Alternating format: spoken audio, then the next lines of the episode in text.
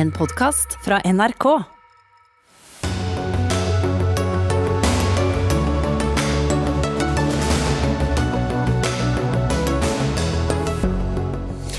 Fylkesforvalter vil gi bort sin vaksine til ungdommen.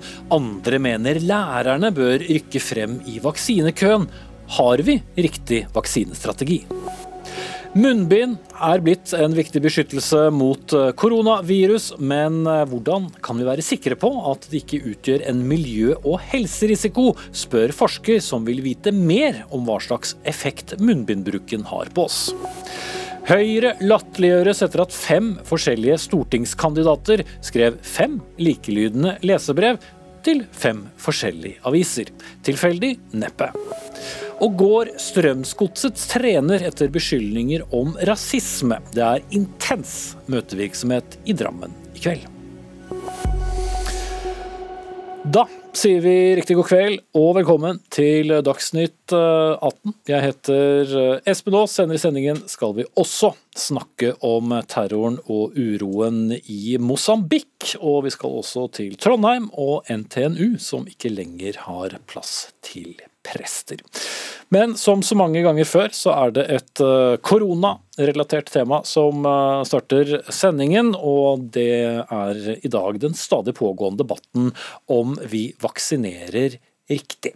For som kjent, vi begynner med de eldste og de med underliggende sykdommer, og så går vi nedover i alder. Men ikke alle er enig i at det er riktig strategi. Blant annet kunne vi i dag lese at statsforvalter Knut Storberget i Innland fylke gjerne vil gi sin vaksine til ungdom, og mener det nettopp er de unge som bør prioriteres i vaksinekøen. Så er det andre som ønsker at f.eks. lærere og barnehageansatte må rykke frem, fordi de er spesielt eksponert. Og en av dem, det er deg, Espen Grimert. Du har skrevet en ytring på nrk.no med overskriften 'Kontorrottene sist'. Og som bankansatt på nettopp hjemmekontor, så spør du kan en lærer få vaksinen min? Vær så snill. Hvorfor skriver du det? Nei, Jeg brukte egentlig bare ti minutter på å skrive noe ektefølt på Facebook på mandag, som ga stor respons. og Helt gigantisk etter at NRK delte. Nå er det delt mer enn 11 000 ganger. Så jeg har åpenbart truffet en nerve da, både hos lærere, barnehageansatte og kontorrottekollegaene mine. Ja, og, og, litt av poenget beklager at jeg deg, men litt av poenget her er også uh, at du, som da er 55, nylig, uh, og som du selv kaller deg, en kontorrotte, går foran en 54 år gammel lærer, som hver dag kanskje møter opp mot 500 elever. Og det er nettopp det du syns rett og slett er urettferdig? Ja, altså jeg, jeg, tenker at en lærer lett kan føle at det er mye mer utrygt å gå på jobben enn det er for meg. Og en lærer kan mye vanskeligere gjøre jobben sin fra hjemmekontor enn det jeg kan. Så der føler jeg at den urettferdigheten ligger. Det er riktig at jeg skal si ja takk nå, når noen kanskje føler mye større behov for den, og føler den rettslige hverdagen som ikke jeg gjør i det hele tatt. Samtidig så er det jo tenkt en, en rekkefølge her. Helsemyndighetene har gått mange runder på, på, på, den samme strategien. Utgjør det så stor forskjell? Er, er rett og slett at du føles som et slags moralsk problem? Altså, jeg, jeg, har jo verken vett, forstand eller myndighet til å overprøve vaksineprioriteringen til FHI. Og det var egentlig bare en sånn tanke som da ga meg de ti minuttene på Facebook. Er dette riktig? Det er mange som står i krigen nå. Jeg har mange lærervenner som syns hverdagen er tøff og utrygg, og jeg gjør ikke det. Og derfor også den undringen er det riktig at jeg skal prioriteres nå. Mm. Aina Skjefta Andersen, leder for Utdanningsforbundet i, i, Oslo. Der mange av dine medlemmer, og mange har også kontaktet oss her i Dagsnytt 18 og ment at nettopp lærere bør rykke frem i, i køen. Hvordan kjentes denne støtten fra en kontorrotte? Ja, Den kjentes jo godt ut, den. Og den er veldig lik som det veldig mange av våre medlemmer gir uttrykk for. Og det er jo et uttalt um, mål for nasjonale myndigheter at barn og unge skal prioriteres. Og i det ligger det jo også at man bør prioritere å ha barnehager og skoler mest mulig åpne. Og da trenger vi jo friske ansatte i barnehager og skole.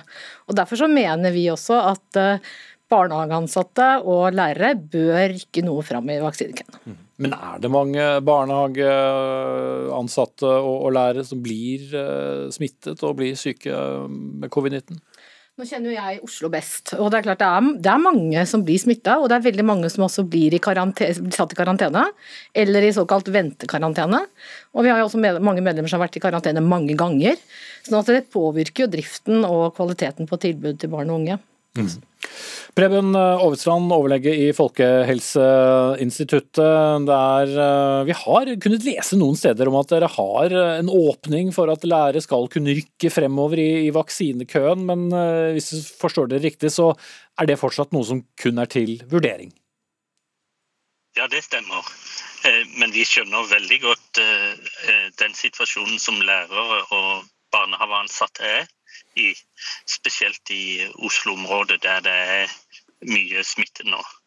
Og Der vi også har sett at eh, spesielt blant eh, barnehageassistenter er noe overhyppighet av smitte i forhold til andre eller i forhold til en del andre yrkesgrupper, iallfall. Så det forstår vi. Eh, og Derfor så har vi til løpende vurdering om vi skal eh, prioritere visse yrkesgrupper og, yngre grupper når vi da er ferdig med de som har underliggende sykdommer. Mm. Og I Oslo så begynner vi å nærme oss det punktet der vi er ferdig med folk som er over 65, og folk som er yngre enn 65 og har en underliggende sykdom. Så da kan det bli en eh, aktuell problemstilling å vurdere. Og det gjør vi. Og så er det da til slutt da regjeringa som må ta en beslutning på sånne spørsmål. Mm. Men eh, du ønsker deg kanskje en, et litt mer konkret svar eh, enn som så? Ja, jeg syns i hvert fall at det som eh, jeg kan lese i den rapporten til eh, Folkeinstituttet er litt uklar. Hva er det de egentlig mener med denne vurderingen som nå skal gjøres? Eh, og jeg tenker at hvis, hvis en prioritering av lærere skal få en praktisk effekt, så må man jo faktisk prioritere de etter denne gruppen fra 65 til 74 og de med underliggende sykdommer. Hvis ikke så vil det ikke få noen effekt for dette skoleåret.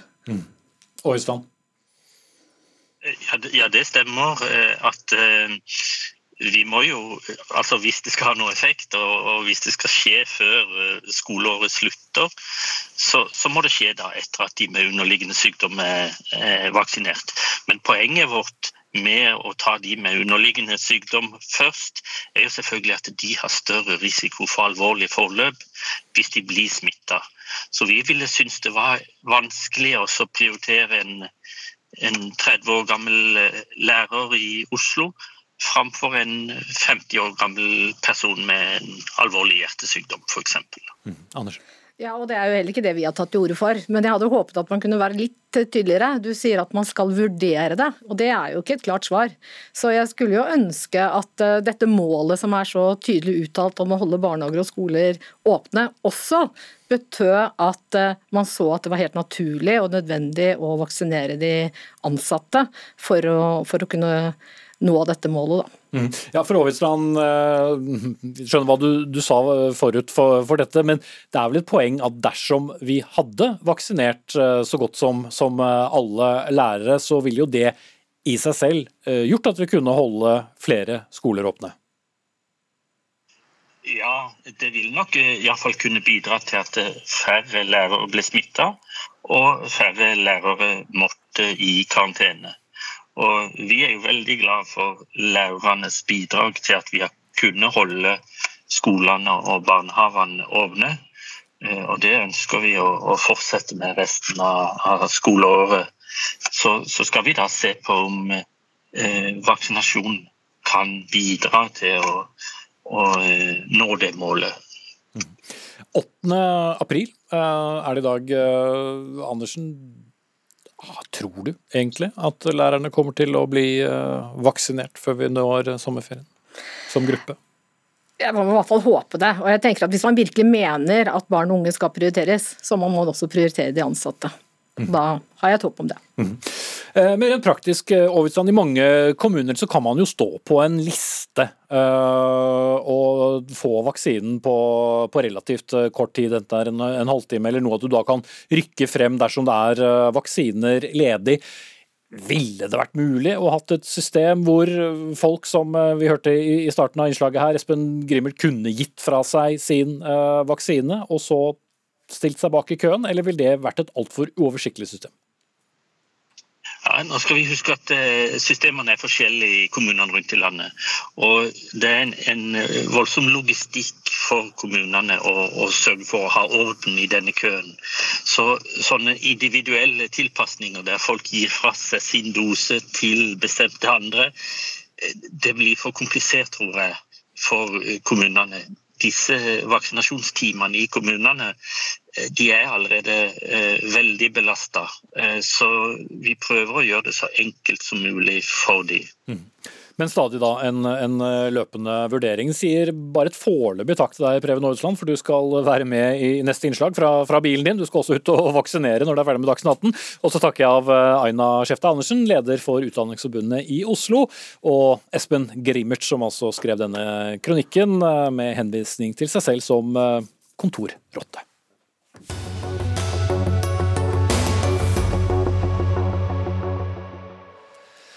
Til å begynne med så var vi ikke så veldig opptatt av dem, men etter hvert så ble munnbind en viktig beskyttelse mot eh, koronaviruset, og mange steder i landet så må du også ha det på deg for å f.eks. få lov til å gå inn i eh, butikken eller ta kollektivtrafikk. Men munnbindet i seg selv, er det sikkert at ikke det også alene utgjør en eh, miljø- og helserisiko. Spørsmålet stilles i alle fall av en seniorforsker, en professor og en redaktør i en kronikk på nettstedet forskersonen.no. Overskriften er 'Munnbind kan føre til farlige kjemikalier og, mikro, og, at mikroplast trekkes ned i lungene. Og Ingunn Grimstad Klepp, seniorforsker ved Forbrukerforskningsinstituttet SIFO ved Oslo MET. Dere trekker frem noen studier som er gjort av kirurgiske munnbind i utlandet. Hva viser de? Ja, eh, Dette her er gjort i Tyskland, og det er gjort av veldig anerkjente forskere. Det er ikke en stor studie, det er eh, skal vi si, punktstudier, eh, som da har funnet farlige kjemikalier i munnbindene. Og Jeg vil også da legge til at når det gjøres studier av klær, så finner man som regel også farlige kjemikalier. Det er mye kjemikalier i klær, så det er ikke veldig overraskende dette i og for seg. Og I tillegg til kjemikaliene, som da kan både være kreftskallende, og de kan være allergener osv., så, videre, så kan de også, har de også funnet at de mister mikroplast, eh, som da pustes ned. Eh, så eh, det er gjort funn av dette, og vi, dette har vært diskutert allerede, allerede mye da andre steder, og vi tenkte at det var også verdt å ta med i den, en offentlig debatt i Norge. Mm. Det er gjort funn, som du da sier, ja. men det er, ikke, det er ikke noe bevis i disse punktstudiene at vi kan bli syke? Nei, eh, og det vi etterlyser er jo eh, ikke på noen som helst måte å trekke i tvil om at det er veldig lurt å bruke munnbind, eh, og at munnbind er en veldig effektiv måte som har lite bivirkninger, hvis vi sammenligner med f.eks. sosial isolasjon og andre ting. sånn at det at munnbind er viktig og riktig, det trekker vi ikke i tvil. Det vi derimot eh, ønsker, det er at når vi har noe som er så viktig og effektivt og skal brukes av så mange mennesker, og kanskje i lang tid fremover, så er det viktig at vi også diskuterer de negative effektene. Akkurat sånn som vi diskuterer bivirkninger av andre ting. Og disse bivirkningene de kan jo da være eh, fordi vi skal puste gjennom eh, tekstilene, eller også det handler jo om forurensning. og den siste delen den ser vi jo ganske tydelig da, eh, rundt oss. Ja. Ja, og, og, Noen uh, yrkesgrupper de går jo da med en munnbind så godt som hele dagen. Helsepersonell, butikkpersonale og andre. og Preben Aavitsland, overlege Folkehelseinstituttet, stadig med oss. Uh, hva vet vi egentlig om munnbind og Hvorvidt de kan også utgjøre en helseskade? Vi har jo ikke noe dokumentasjon på at det å bruke munnbind Eh, er farlig. Og vi skal huske på at eh, kirurger og andre sykehusansatte har gått med eh, munnbind på jobben hver eneste dag i mange år uten at vi har klart å knytte noe sykdom til det. Så er det klart det kan være i noen tilfeller mulig å påvise eh, noen kjemikalier som man ikke ønsker skal være i munnbindene. Men det er noe annet enn at eh, man får i seg de kjemikaliene i så store doser at det er noe farlig. Så vår ja. ja. Men det stilles jo også da krav til munnbindene. Men hva går det på? Går det også på mulige stoffer i, munnbindene, eller handler det om andre ting? Vi har jo hatt saker om importører av, munnbind som da har fått trukket partiene sine osv. Det går også på innholdet i munnbindene. Og det ble jo nylig forbudt en type munnbind som, som inneholdt kobber. Og derfor så så er jo rådet til folk det er jo at man kjøper munnbind fra anerkjente eh, butikker eller apoteker, og at de er CE-merka, som da betyr at de har gjennomgått en viss kvalitetskontroll av europeiske myndigheter. Mm. Er det litt ulv-ulv her, Klepp? Eh, ja, altså eh, Jeg syns at det er et eh, Skal vi si for noe, et litt sånn vanskelig råd. Fordi at hvis, vi skal bruke munnbind alle sammen, så kan vi ikke alle bruke gjøre den på samme måten. Og her er det jo også snakk om å bruke tøymunnbind. Og det som har skjedd i løpet av dette året, det er jo at det er en enorm vekst i produksjonen av munnbind, som foregår langt unna oss. Og kapasiteten kvaliteten på stikkprøver og tester og i det hele tatt oppfølging av området er kanskje ikke den beste. Vi vet eh, fra før på tekstilområdet at det er veldig mye skal vi si, slusk og slurv. Eh, og eh, mange av de som skal foreta innkjøpene her nå, det er jo ikke bare helseforetak, det er også veldig veldig mange andre typer innkjøpere. Sånn at det å gjøre dette enkelt og trygt, og også undersøke eh, det som kommer frem av eh, eh, kunnskap om stoffer som er uheldige, det syns jeg er, er, verdt å ta med inn i diskusjonen. Det er faktisk sånn at vi ikke ikke har noen stor beredskap i Norge, verken på tekstilproduksjon eller tekstiltesting, eller i og for seg da i forhold til dette med innkjøp. Og dette gjelder jo da, eh, ja det er klart at mange har brukt eh, munnbind, men det er nok allikevel slik at i dag så bruker mange flere munnbind og mye større del av arbeidsdagen enn det som har vært tidligere. Sånn at det er jo noen endringer her, både på produksjonssiden og på bruken. Eh, og vi står kanskje også overfor en periode hvor enda flere og enda yngre skal bruke munnbind, og det kan hende at det er kjempefint, for de trenger jo virkelig å kunne komme litt nærmere hverandre enn to meter snart. Så, eh, så det å arbeide med å få frem kunnskap om eh, miljøeffekter og helseeffekter eh, av disse endringene som covid-19 eh, fører med seg, eh, det mener jeg er positivt. Mm. Men kanskje ikke det høyest prioriterte nå om dagen, Aavitsland? Nei, det er ikke det høyeste prioriterte. Det som er eh, Vårt råd er at folk ser etter at det de kjøper, eh, er CE-merka.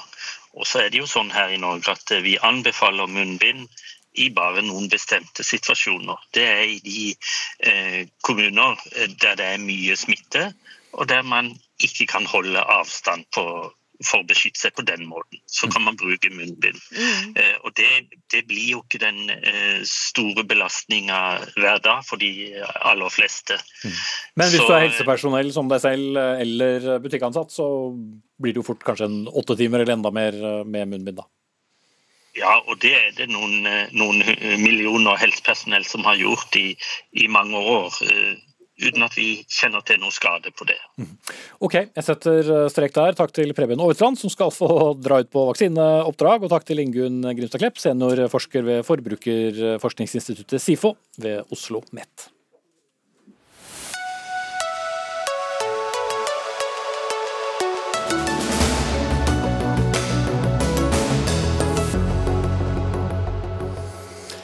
Partiet Høyre har fått en del oppmerksomhet de siste dagene etter at eh, fem forskjellige kandidater til stortingsvalget skrev fem likelydende lesebrev til fem forskjellige aviser her i landet. Alle fem hadde nemlig de tre samme bekymringene om tiden etter koronakrisen. Alle sa at de var opptatt av jobben, skolen og helsa. Og um, Egon Holstad, kommentator i avisa i, i, Tromsø. Tror de vi er idioter, sa du da vi snakket sammen på, på telefon eh, tidligere i dag. Du var ikke så imponert over disse fem eh, lesebrevene. For ordens skyld, et av dem ble jo trykket i, i din egen eh, avis. Hva er det du reagerte på? Nei, altså Man kunne jo selvfølgelig nøyd seg med, med, å gjøre narr av det her i, i, sosiale medier, og det er det jo veldig mange som naturlig nok har gjort. For det er jo unektelig veldig komisk og veldig lattervekkende, det, det som har skjedd. Men jeg synes ikke at, altså så billig syns ikke jeg at det monstruøse og kostbare PR-apparatet til et regjeringsparti skal slippe unna heller. For det er, det er uhyre pompøst, og det er en ufrivillig komisk tone i de her fem tekstene som da er forsøkt lagt frem som enkeltstående tekster. Eh, og Det begynner med en veldig sånn pompøs sånn 'jeg har tenkt'. og det står til og med sånn I alle innleggene så står det da eh, det blir ikke lett å komme tilbake til hverdagen. Likevel har jeg brukt påsken til å tenke på hva som møter oss på andre siden av krisen. Eh, og Det er liksom da hvordan samfunnet skal stables sammen etter pandemien. Han, han Erlend Svardal Bø i Troms da har, har hevda å ha tenkt på, og som da fire andre stortingstopper i de forskjellige fylkene til Høyre har tenkt. Mens de vanlige av oss da har lest bøker og, og ligget på sofaen og sett påskekrim eller gått på ski. Og det er sånn, Wow, død og pine. En politiker som har tenkt. Det er jo fint. Men når det da viser at det er fem identiske tekster, og de er skrevet i en form som at det nettopp ikke er et vanlig lesebrev, at det her heller er eh, si, genuine tanker da, som er generert ut av en slags grublende, ensom påsketilværelse, og det da selges videre inn til våre lesere, og lesere i fire andre aviser, eller velgere om du vil, som en individuell, selvstendig, ansvarlig og veldig klok refleksjon i vanskelig tid. Her er det et menneske av kjøtt og blod som står bak. Da blir det jævlig pinlig, for det er ren og skjær ljug. Mm. Eh, men Erik Stefansen, redaktør og kommentator i Nettavisen. Eh, din eh, avis har som mange andre også omtalt denne saken. Men, men, er det noe å slå opp? Tror vi at alle stortingskandidater skriver sine egne tekster? Og det er vel heller ikke noe som er spesielt for partiet Høyre? Nei da, og jeg, jeg, ser det er mange som på, på, på, sosiale medier som har reagert med at liksom, ja, men sånn har partiet holdt på lenge, og sånn har de gjort bestandig, og det var verre før. Og det kan du si, men det er jo når politikere dummer seg ut og blir tatt med buksa nede, sånn som i dag, så er det jo en veldig dårlig unnskyldning å si at ja, men dette har vi holdt på med i mange år. Eh, og, og det er to ting som er nytt her.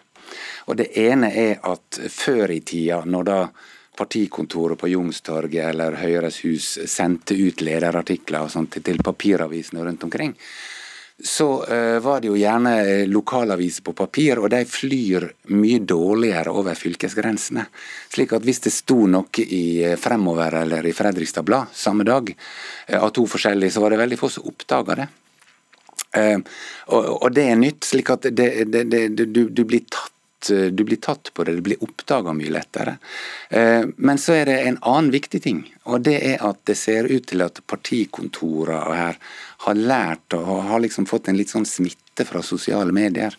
For nå heter ikke det lenger at Høyre mener og Arbeiderpartiet mener. Nå, nå er det 'jeg føler at'. Altså Nå sitter de og tenker sånn som Nå har de sittet på hytta si i påska og tenkt. Hva skjer etter pandemien? Og så er det bare sprøyt. De har ikke sittet og tenkt i det hele tatt. Det er en på partikontoret som har sittet og tenkt. Mm. Og da har jo Egon Holstad helt rett, at da går det over til, til noe annet. For da gir du det ut for å være noen som du ikke er. Eh, og der er stor forskjell. Eh, tok eh, i formiddag kontakt med, med Høyres eh, pressesjef Cato Husabø Fossen. Inviterte ham til Dagsnytt 18. Han takket etter hvert høflig nei til det, men skriver følgende på en tekstmelding. Noen ganger hender det at vi internt i partiet drodler sammen, deler retorikk, eller som i dette tilfellet, sammenhengende tekster med hverandre. Hvorfor vi må skape flere jobber, gjøre skolen bedre og få til et skikkelig psykisk helseløft på vei ut av korona, tror vi er relevant for folk enten de bor i Agder eller Troms ser at det kan gjøres narr av jeg-formen, det tror jeg vi skal lære av. Så da så, Egon Holstad. ja, det her er jo en sånn klassisk litt sånn passiv-aggressiv, barnslig og veldig foruretta respons. Der de liksom sier at de, vi, vi vil være det beste for samfunnet, så får heller dere gjøre narr av oss, eh, liksom. Eh, og så, Altså, Bare Høyre alene, for det er jo dem vi snakker om her. Det er sikkert like mange syndefall i de andre partiene, men det her dreier seg om Høyre. Og Høyre alene de har altså en PR-avdeling på rundt 20 personer. Altså mer enn hva som er i samtlige politiske redaksjoner i de store avisene. Eh, og så har de da ikke én person som kan komme hit og forsvare denne pinlige fadesen. Og Det er altså så ufattelig ynkelig og flaut at jeg rødmer til jeg blir blå i trynet på hele partiet sine vegne. Og så sier de dem at de, de, sånn her har det alltid vært. Ja, ok, Hvis de alltid trikser med medlemstall, alltid jukser med reiseregninger, eller aldri brydd seg om å sjekke tall før TV-debatter, skal man da fortsette med det? Altså, det, er ikke, det, er liksom, det er ikke alvorlighetsgraden i det her PR-mageplasket, men det er at de har tryna og dumma seg ut. Og Da må de i hvert fall kunne være såpass mandige eller kvinnelige eller har såpass med ryggrad at de stiller opp i en debatt og forsvarer eller ber om unnskyldning for det her tåpelige stuntet de nå har gjort. Men, men, men Stefansen, altså, klart vi som er journalister og politiske journalister er kanskje i overkant uh, opptatt uh, av dette, men, men, likevel Alt handler jo om et partiprogram, det er vedtatt på et landsmøte, det er dette de skal bruke tiden frem til uh, valgdagen i, i september på. Hva skulle de ha gjort, da? Hadde vi giddet å lese hvis de hadde trykket uh, på en måte en, en annonse uh, om noe fra partiprogrammet som handlet om psykisk helse? Nei, men du må huske på det, altså folk har fått en helt annen medievirkelighet. Altså, det, så jeg, jeg, tror de skal slutte med dette. Fordi at det, det er blitt så gjennomsiktig. Og, det, og, særlig når de da prøver å låne den der formen fra, fra, fra, fra sosiale medier. fordi at altså, Vi blir jo påvirka når vi møter ekte mennesker og ekte følelser, og at jeg, jeg jobber for det og det. Eh, men, men, det som da slår veldig tilbake, det er jo at når vi oppdager at det er fake, at det ikke er riktig. Og, og, og, det er jo det som er den store forskjellen. For du tror ikke at de fem har blitt enige om at dette var Nei, de har nok ikke det. De har nok ikke vært med i diskusjonen engang.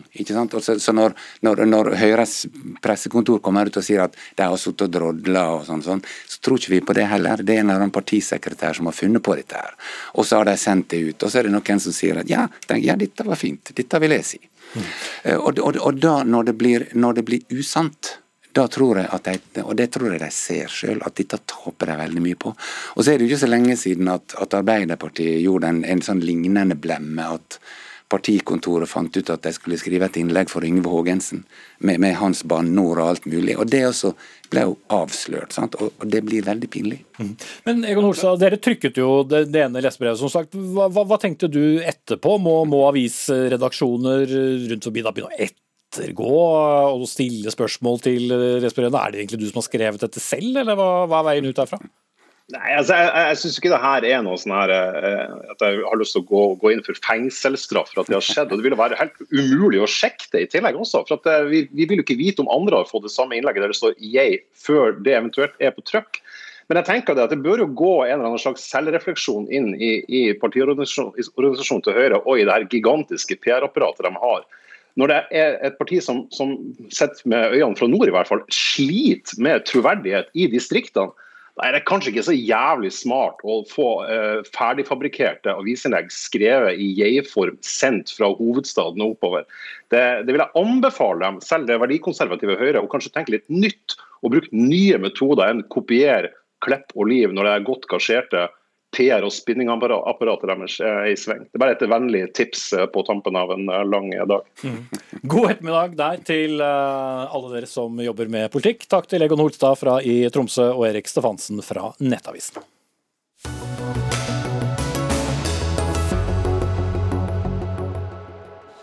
Så skal vi til eh, en av eh, Norges mest kjente fotballklubber, hvor det nå kjempes eh, en kamp utenfor banen, og hvor store deler, om ikke hele Fotball-Norge, følger med på et drama som pågår i Strømsgodset. Klubbens ledelse har nemlig nærmest sittet kontinuerlig i møter for å løse en ganske pikant konflikt som oppsto etter at ledelsen mandag valgte å beholde sin danske trener Henrik Pedersen etter en intern vurdering av rasismeklager mot ham. Dagen etter ble det kjent at sju spillere varslet spillerorganisasjonen NISO om angivelig rasisme fra treneren. Han har hele tiden avvist uh, anklagene. Vi skal til Marienlyst stadion i Drammen. Der er du, uh, Ola Niemann, nyhetsredaktør i Drammens Tidende. Du har vært tett på denne saken de siste dagene. Hvor står konflikten akkurat nå? Ja, her i Drammen og ved Marienlyst stadion så er det én ting som betyr noe nå. Og det er at styret gjør en grundig undersøkelse, grundig prosess i, for å finne ut om uh, Henrik Pedersen, altså om varslene om at han har opptrådt rasistisk eller kommet med rasistiske tilnærminger den siste tiden, det er, det er det det handler om nå. Å finne ut om det faktisk stemmer, om det er dokumentasjon for det. Og det pågår hektisk møtevirksomhet, og, og, som jeg forstår, eh, så kan det også komme, komme nyheter, eller en, en, ny avklaring om du vil, eh, nå i kveld? Ja, Det er det vi venter veldig spent på. Altså, De har et styremøte som skal starte rundt de tiende her, i hvert fall etter middagstider. Og Tanken er at fall de skal gå veldig grundig inn i dette her, men de har jo ikke all verdens av tid. for det er eh, en klubb som blir angrepet fra veldig mange kanter nå, og, og presset på mange er stort. Så selv om de må gjøre den prosessen riktig eh, denne gangen, eller i hvert fall gå grundig til verks, så har de ikke all verdens av tid. Og vi kan vente en avklaring eh, i kveld. Personlig tipper jeg at vi kanskje får det i morgen, eller i hvert fall inn mot helgen eller i helgen. Men ikke så mye lenger enn det, vil jeg tippe. Leif Elhaven, eh, sportskommentator i VG. Striden i Strømsgodt er langt vanskeligere å løse enn tidligere saker, der temaet er hvorvidt en fotballklubb skal kvitte seg med treneren, har du eh, skrevet. Hvorfor er dette en spesiell sak? Det handler jo om eh, temaet i seg selv. Altså, normalt så vil en, et spørsmål om man skal kvitte seg med en trener eller ikke, handle om sviktende resultater eller tilsvarende. Og Da er det gjerne kutyme at man kommer til en form for enighet og det gis en kompensasjon, og så går man hvert til sitt. I den saken her eh, så er det langt eh, vanskeligere. Eh, fordi, fordi det er beskyldninger som avvises, kort og godt? Ja, også fra Henrik Pedersens side. Hvis han går ut av denne saken med et fortjent eller ikke fortjent stempel i retning av å være en trener som har utvist en rasistisk atferd, så vil jo det kunne få altså, konsekvenser for han på jobbmarkedet videre. Og selve historieskrivingen her, her vil jo da nødvendigvis måtte måtte være veldig viktig for han. På den andre siden så er det jo et, altså et, et spørsmål om hva en klubb eh, som altså Strømsgodset tåler eh, omdømmemessig. Det er, en, det er en Drammen er en flerkulturell by. Man har et uttalt standpunkt om nulltoleranse mot eh, rasisme. og da blir det, Nå har saken eskalert såpass at det er litt uavhengig av hva som måtte vise seg å stemme eller ikke stemme i saken, så er det litt vanskeligere enn normalt å se for for seg grunnlaget for en uh, minnelig løsning. og Det kan i ytterste konsekvens bety at vi opplever noe som vi ikke er vant til, nemlig at altså, en fotballtreners stillingsvern uh, blir prøvd hele veien uh, i rettsapparatet. Mm. Og så er det da ledelsen i fotballklubben som må håndtere det. Og ut fra historikken så langt, hvordan har den håndteringen vært? Altså, problemet her er jo at uh, styret i Strømsgodset har satt seg selv i en veldig vanskelig situasjon, fordi man altså konkluderte tilsynelatende veldig raskt og kom med ganske bastante uttalelser uh, som da talte til, tre, til trenerens uh, fordel. Og problemet er når premissene for dette, f.eks. hva gjaldt forankringen i, altså i spillergruppen, har vist seg da etter all sannsynlighet å ikke holde helt vann, så havner styret altså i en veldig veldig, veldig vanskelig situasjon. Og Allerede så har vi sett at en av de største sponsorene er i det som blir kalt i dialog med, altså med, Strømsgodset. Det er en interesse rundt det som ble nevnt i, altså i hele Fotball-Norge. og altså Klokken tikker for Strømsgodset. Man er nødt til å finne en løsning på en sak som det per nå er veldig vanskelig å finne et, altså et svar på, som alle parter uh, skal kunne godta. Ja, Man skal finne en god løsning, rett og slett. Uh, Teddy Moen, du er uh, daglig leder i Norsk Fotballtrenerforening og tidligere fotballtrener. Du er med oss fra, fra Kristiansand. Av forståelige grunner så vil ikke, eller kan heller ikke Henrik Pedersen eller hans advokat delta her. Hva er din rolle i saken? Jeg representerer jo Henrik Pedersen gjennom at han er medlem i Norsk Fotballtrenerforening. Vi er jo interesseorganisasjonen for trenere i Norge. Over 3000 medlemmer, og sånn sett så er vi den kollektive stemmen til trenerne i Norge. Mm. Hvor vanskelig er denne saken? Veldig vanskelig. Vanskelig utgangspunkt i seg sjøl. Enda mer vanskelig i og med at media er så opptatt av de her sakene og vier det så stor oppmerksomhet. Det, det gjør at saken er veldig krevende å løse for uh, styret i Strømsgodset. Mm. Er du enig med, med Welhaven at det er vanskelig å se for seg en, en god, eller en, en, løsning som vil være minnelig for alle parter? Eh, det er klart at Her er det snakk om trenerens tillit eller mistillit, eller noe midt imellom, ikke sant, som en trener lever av. Og det er klart det at Graden av tillit her er helt avgjørende for trenerens autoritet og mulighet for å ha kontroll på garderoben, for å si det sånn. Sånn at utviklingen fra nå av framover i forhold til lederskap her er helt avgjørende for hvorvidt Henrik Pedersen har en framtid som trener for Strømsgodset. Mm. Og utfallet av denne saken, i hvor stor grad blir den viktig for alle de andre medlemmene hos deg? Nei, det er klart at Vår oppgave er å passe på at det er en rettssikkerhet rundt diskusjonen hvorvidt en trener skal stå i jobb eller ikke. Og vi, selv om trenere har et veldig sterkt stillingsvern i Norge som alle andre ansatte, så opplever vi i praksis at stillingsvernet til trenerne er begrensa. Eh, og ikke blir tatt og respektert på den måten vi forventer alltid. Og Det betyr at trenerne veldig ofte blir fritt vilt i forhold til media, i forhold til andre interessegrupperinger. og Sånn sett er det veldig viktig at vi som interesseorganisasjon for trenere taler trenerens sak og prøver å tegne et bilde av den situasjonen treneren er i. For det, det er når det er faktum at en trener kan ikke bli avsatt av noen andre enn styret i Strømsgodset. Selv om det er mange andre som gjerne vil se at treneren må gå, så er det kun styret i Strømsgodset som arbeidsgiver som kan gjøre det. Mm. Men, og når de skal gjøre det, så må de følge en veldig streng protokoll. altså Lover og regler, retningslinjer som vi har i samfunnet, arbeidsmiljølov osv. Ja. Ola Niemann i, i Drammen, eh, hvor stor sak er dette blitt i byen? For selv om eh, det er opp til styret å avgjøre dette, så har jeg vel på følelsen at det er ganske mange innbyggere som også er opptatt av saken.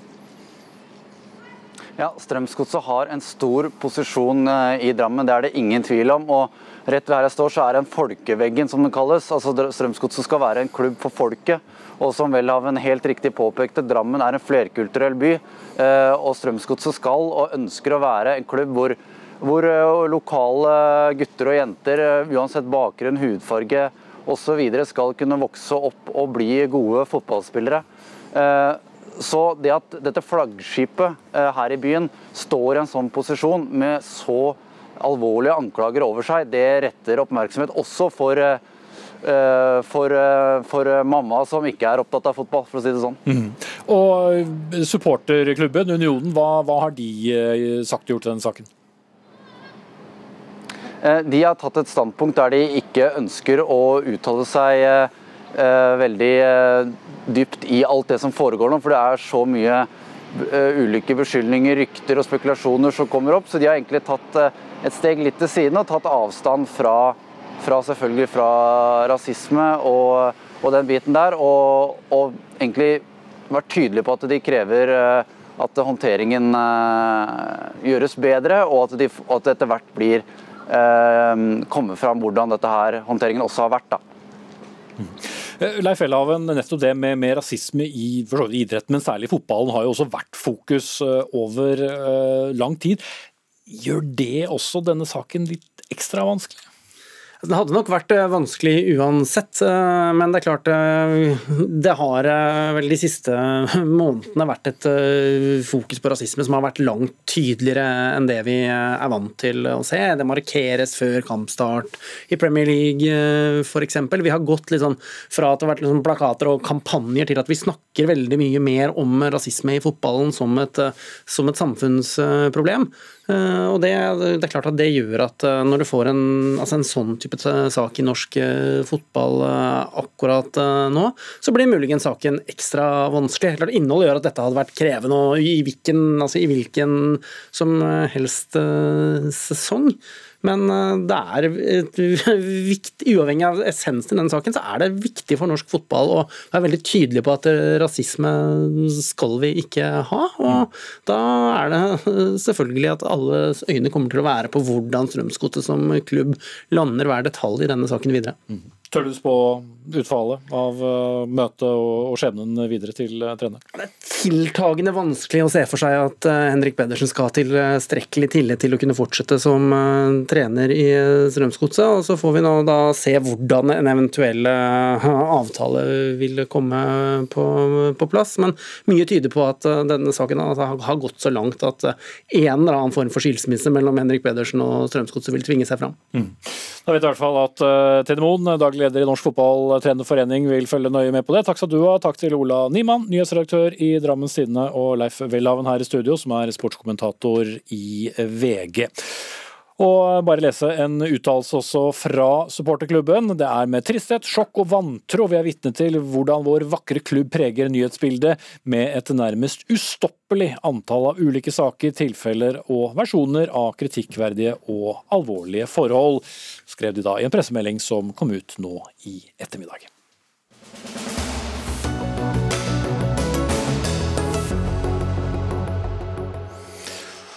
Så skal vi høre at eh, studentprestene ved NTNU i Trondheim nå må vike plassen. Og det for lesesaler og auditorier, iallfall hvis studentene får det som de vil.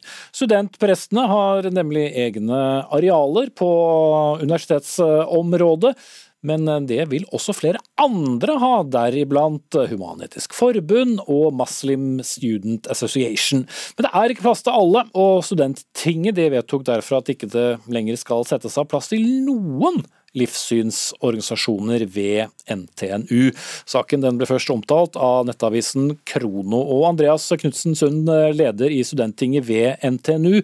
Hvorfor skal man ikke ha plass til eh, livssynsorganisasjoner hos dere?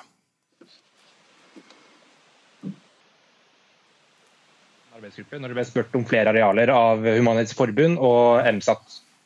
Eh, da tenker vi jo at siden NTNU eh, som en del av Norge er løsere fra statskirka, at man må legge likhetsprinsippet til grunn.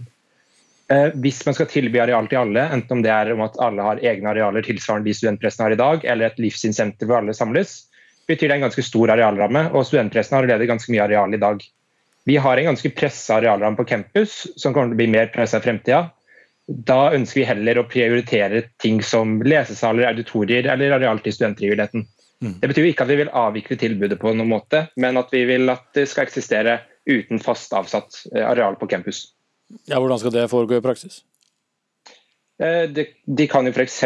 låne campus til arrangementer, eller så kan de skaffe arealer andre steder i, i byen. Eh, studenthumanisten tar deler av sitt tilbud i dag på Humanistisk Forbunds lokaler. Og jeg tenker også at Den norske kirke har absolutt forutsetninger til å finne arealer andre steder. Så står det også i vedtaket vårt at NTNU skal formidle at disse tilbudene fortsatt finnes. Mm.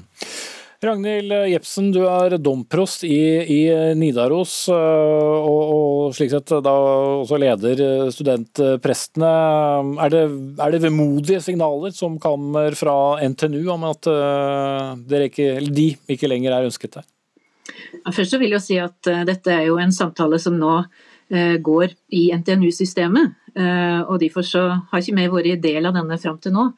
Eh, men det vil si er at staten, den norske stat har nå gjennom sitt lovverk om trus- og livssynssamfunn og utøving av det sagt at Norge er et livssynsåpent samfunn ikke et livssynsnøytralt, eh, og skal legge til for livssynsutøving i det offentlige rom. Og Det gjelder også de store samfunnsinstitusjonene våre. Det gjelder sykehusene våre, det gjelder Forsvaret, det gjelder kriminalomsorgen, og det gjelder også universitet og lærested.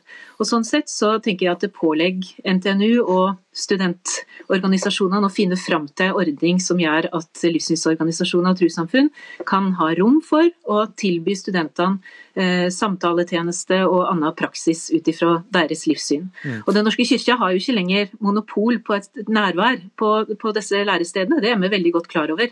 Men vi er ivrige etter å være med og legge til rette for at flere skal ha det. Mm. Men hvis eh, da slike samtaler f.eks. Eh, kan foregå på de kontorene dere har, eller i kirker, eller eh, altså deres egne lokaler, ville det være en grei løsning? En finner jo sikkert løsninger ut ifra de behova og, og, den situasjonen som er. Men jeg tenker jo at å være student eh, på et universitet over mange år, det er jo eh, å tilbringe så mye tid på det universitetet og bli forma av den situasjonen en er i som student. Og ikke minst også i formingen sammen med andre. Eh, så det å legge til rette for at livssynsutfoldelse kan skje i et mangfoldig, åpent samfunn, også på lærestedet, tror jeg er en veldig god investering. Eh, for framtidig virke og forståelse av hverandre også ute i samfunnet når en er ferdig med studiene. Mm. Andreas Knutsen, sønnen i Studenttinget. Det er et forbehold i dette vedtaket deres om at man innfører da eh, en livssynsnøytral samtalepartner. Hva skal det være, og hva slags tilbud skal det være? Ja, Vi har jo ikke enda satt, sett i detalj på hvordan det skal se ut. Det ligger jo som et forbehold i vedtaket, men det er noe som altså, akkurat hvordan det vil være, vil være en senere prosess. Men det er jo det men Dere har vel ikke et forbehold om noe som dere ikke vet hva skal være? Ja, vi vet at vi skal ha en samtalepartner som utfører de funksjonene, og må kunne snakke med studenter. Eh, vi vet ikke akkurat detaljene rundt det, men vi vil jo være med i de prosessene og kunne være med på å utforme det. Så Det vil jo se ut noe som det man har i dag, og være et supplement i tillegg til det eksisterende tilbudet som studentprester studenthumanister har, bare at ikke de vil ha fast avsatt arealer på campus. Men det er jo ikke å stikke under en stol at eh, studenter trenger mer psykisk helsetilbud. Og vi syns jo dette på en måte kan være med på å egentlig utvide det tilbudet vi har i dag. Mm. Men eh, Ragnhild eh, Jepsen, uh, er det veldig viktig å være til stede på selve utdanningsinstitusjonene? Altså På disse lærestedene så er det jo et samfunn, som vi sier. En tilbringer så mye tid der, og en er i denne formingen. og En kommer jo opp i eksistensielle spørsmål, uh, har flytta hjemmefra, lurer på ting, skal gjøre seg klar til å gå ut i yrkeslivet. Og disse eksistensielle samtalene som vi ser veldig at det er behov for, da, uh, der er det viktig at kan finne sted i det miljøet der studentene er. Og Ikke minst i denne tida nå med korona, så, så har vi jo sett at behovet for de eksistensielle samtalene og den kunnskapen og kompetansen som livssynstjenesten har, da, eh, at den er veldig stor og nødvendig. Men uh, disse eksistensielle samtalene som du nevner, Jepsen. Uh, er det så viktig om det skjer med en, en prest eller en humanist eller en uh, muslimsk uh, form for samtalepartner? Jeg tror jo at de eksistensielle samtalene ofte berører det som i oss har med tru og livssyn å gjøre. Eh, og det å ha, noen, å ha, noen å sette ord på det med, eh, det tror jeg er veldig viktig. Og så er det jo også det at eh, denne livssynstjenesten som i dag i hovedsak blir utført av prester, det er riktig, men vi har jo også livssynshumanister på noen læresteder, også på NTNU i Trondheim. Den er jo ikke del av altså Den blir ikke journalført, det er kort ventetid på å komme dit. Det oppleves som et åpent rom å komme og lufte tru og tvil, sorg og glede. Og den er et veldig supplement til andre tjenester som studentvelferden også tilbyr. Så jeg ser på dette som, som en totalitet av det uh, universitetet også må tilby oss i det livssynsåpne samfunnet. Og så mener jeg jo at Den norske kirke har forvalta dette så lenge, så dette har en veldig god kompetanse på. Uh, og det er ikke misjonering eller bare sjelesorg som blir utøvd i disse samtalene, men det er god livsveiledning, men med en himmel over livet som kirka har å bringe med inn. Mm. Da setter jeg strekk. Takk skal du ha, Ragnhild Jepsen, domprost i Nidaros, og Andreas, eh, Andreas Knutsen Sund, som er leder av Studenttinget. Og det er da ledelsen ved NTNU som har siste ord i saken.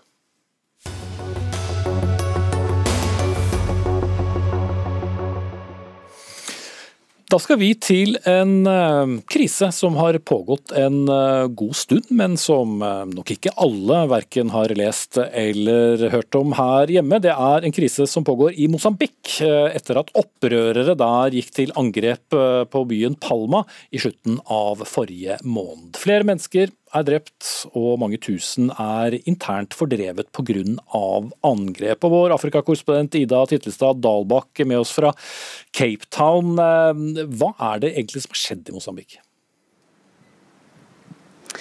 Det som har skjedd er jo et angrep på byen Palma, som ligger strategisk plassert med en, et, et, gassanlegg til en verdi av mange milliarder som tilhører franske Total. Eh, og Jihadistene angrep jo dette anlegget og byen med rundt 11 000 mennesker som flyktet derfra eh, for rundt to uker siden. Og dette angrepet varte jo i eh, ca. ti dager før regjeringssoldatene klarte å ta kontroll. Mm. Hvis vi skal prøve å, å, å, få et slags overblikk eh, over selve denne krisen, Ida, hvor, hvor stor er den?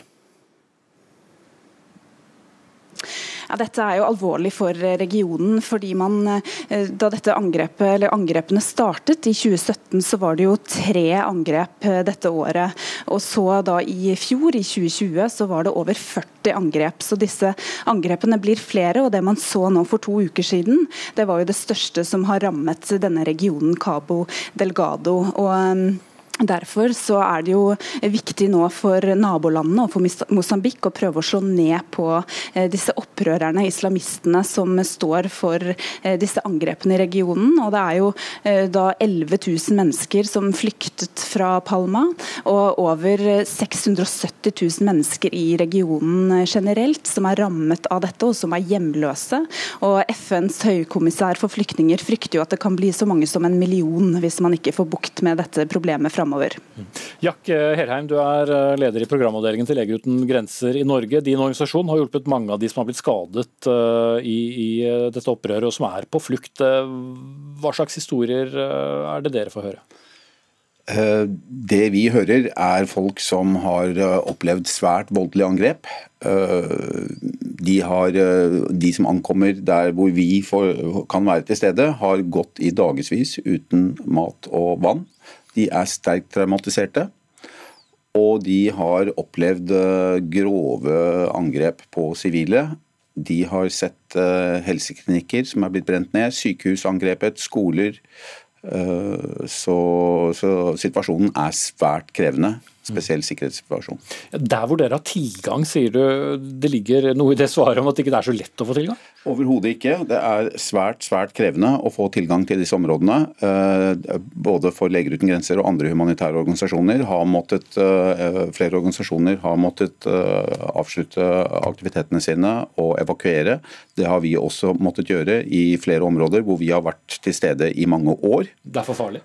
Det er for farlig. Eh, mange av våre klinikker blir angrepet. Det har de blitt helt siden 2017, da disse angrepene begynte, som nevnt.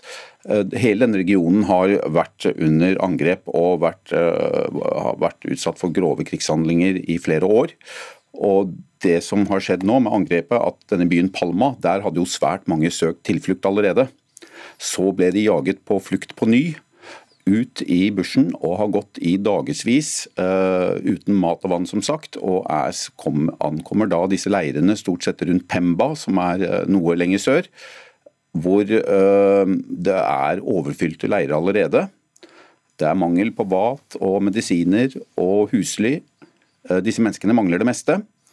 Og, og, både vann- og sanitærsituasjonen gjør at det er mye sykdomsutbrudd. Det er kolerautbrudd og på toppen av det hele kommer covid-situasjonen, som gjør det hele svært svært krevende. Ikke for flyktningene, men også for de humanitære organisasjonene. Mm. Nina Bøhl eh, Jørgensen, seniorrådgiver i Norad. Du kjenner eh, Mosambik eh, godt selv også. Det har eskalert nå, men som vi hører fra både vår korrespondent og fra Leger uten grenser, dette har jo pågått da i mange år. Hvordan var det det hele startet? Ja, det, det, har pågått i mange år. De første angrepene var jo i 2017, men allerede før det, allerede rundt 2007-2008, så var det en gruppe sinte unge menn som eh, gjorde opprør. De bestemte seg for å starte sin egen sekt. De gikk inn i moskeen med shorts og sko på. Og sa at Som man ikke skal? Ja. ja, ja, det skal man jo ikke. Og vi skal drikke alkohol, og vi skal ha vår egen fist på dette her. De var sinte, de var arbeidsledige, de følte at de bodde i en del av landet og verden som var glemt. Ehm, jeg kan jo tegne og forklare litt hvordan ehm, altså Cab Delgado, den provinsen, den ligger helt nord i landet. Maputo, hovedstaden, ligger helt sør. Det er litt sånn Finnmark. Eh, to, eh, to millioner mennesker bor der. 700 000 nå på flukt. Eh, det er vakkert. Det er paradisøyer, paradisstrender, utbygd turisme. Etter hvert så har man funnet mineraler og rubiner, og nå da utbygging av eh, gass, flytende gass. Og så har lokalbefolkningen fått beskjed om at altså, fiskerne må flytte de må flytte på seg for at det bygges ut sånne store, flotte installasjoner. Så, så hele området krakelerer og går ja. opp i limingen? Ja, og, eh, og lokalbefolkningen ser ingenting av denne rikdommen som, eh, som, er i vente, eller som turismen gir. Eller, og det har liksom bygd opp et sinne. De har ikke, eh, de har ikke gode helsetilbud, dårlig infrastruktur. Jeg husker jeg møtte noen Det var litt sånn økonomisk boom en periode på slutten av sånn rundt 2010-2011 så møtte jeg noen i Cabo Delgado, i, i, Pemba, som er provinshovedstaden. Og så sa jeg liksom ja, hva tenker dere om at landet er i utvikling, og så sier de hva mener du egentlig? Eh, I Maputo så kjører de rundt i fine biler, flere tusen fine 4x4s, men her har vi ikke engang råd til en eh, sykebil til å ta folk til sykehuset. Mm. Så det startet med, med, sinne, men fra sinne til å bygge seg opp og, og bli den grusomme bevegelsen, det er en, det er en annen historie. Mm. Eh, som, da har pågått over flere år, som vi er inne på. Men samtidig så er det en konflikt som vi vel må være ærlige på at vi har hørt ganske lite om? Ja, og jeg tenker jo det har jo ikke vært så mange utlendinger involvert eller blitt angrepet. Nå har det blitt utlendinger involvert, så nå har verden begynt å se dette. Og det er bra, fordi at eh, selv om jeg tenker at den gruppa, terrorgruppa har egentlig ikke noe med islam å gjøre, og det har ikke noe med konflikt mellom eh, kristne og muslimer å gjøre, og det er en totalt forvridd versjon av islam, men de har jo etter hvert blitt inspirert. Altså, de, de, kaller seg Al Shabaab, men de har ingenting med Al Shabaab i Somalia å gjøre. De sier de sverger til IS og har nok blitt inspirert av um, metodene, de grusomme metodene til IS. Og etter hvert så har kanskje IS sett det opportunt å si at uh, ja, vi støtter også denne gruppa. Mm. Fordi det vil gi dem en, en form for uh, PR. Ida Dalbakk, uh, presidenten i seks land i Sør-Afrika skal da ha møte i Maputo for å diskutere denne krisen. Hvor, hvor viktig er det for dem å på en måte omsider ta tak i den?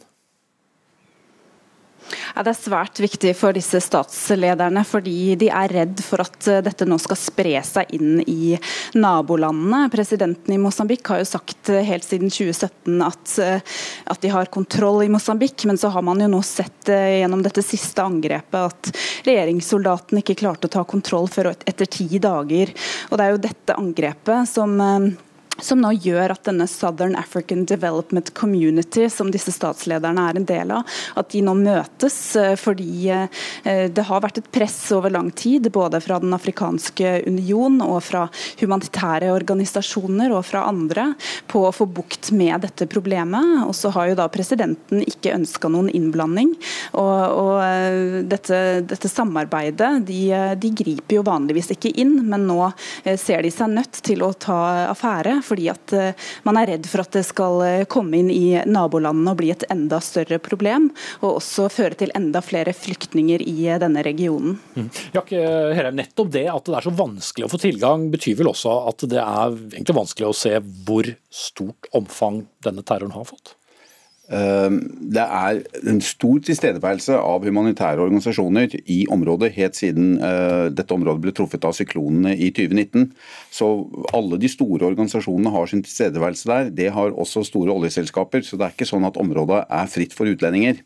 Nå har det blitt uh, drept noen, så da kommer oppmerksomheten. Men det vi opplever, uh, Leger uten grenser og mange andre humanitære organisasjoner der, er at det er veldig vanskelig å få inn forsyninger. Nødhjelp, medisiner, også personell. Og det er restriksjoner uh, som, som, kommer fra mosambikanske myndigheter, som gjør det ekstra krevende å drive nødhjelp i dette området. Mm. En eh, vanskelig situasjon som eh, vi vel får tro vi får høre mer om. Takk til Jack Herheim i Leger uten grenser, Afrikakorrespondent Ida Titlestad Dalbakk og Nina Bull Jørgensen fra Norad. Denne sendingen er ved veis ende. Dag Dørum hadde ansvar for den. Lisbeth Sellereite tok seg av det tekniske. Jeg heter Espen Aas, og jammen er vi tilbake med nok en Dagsnytt 18 i morgen til samme tid. Takk for nå.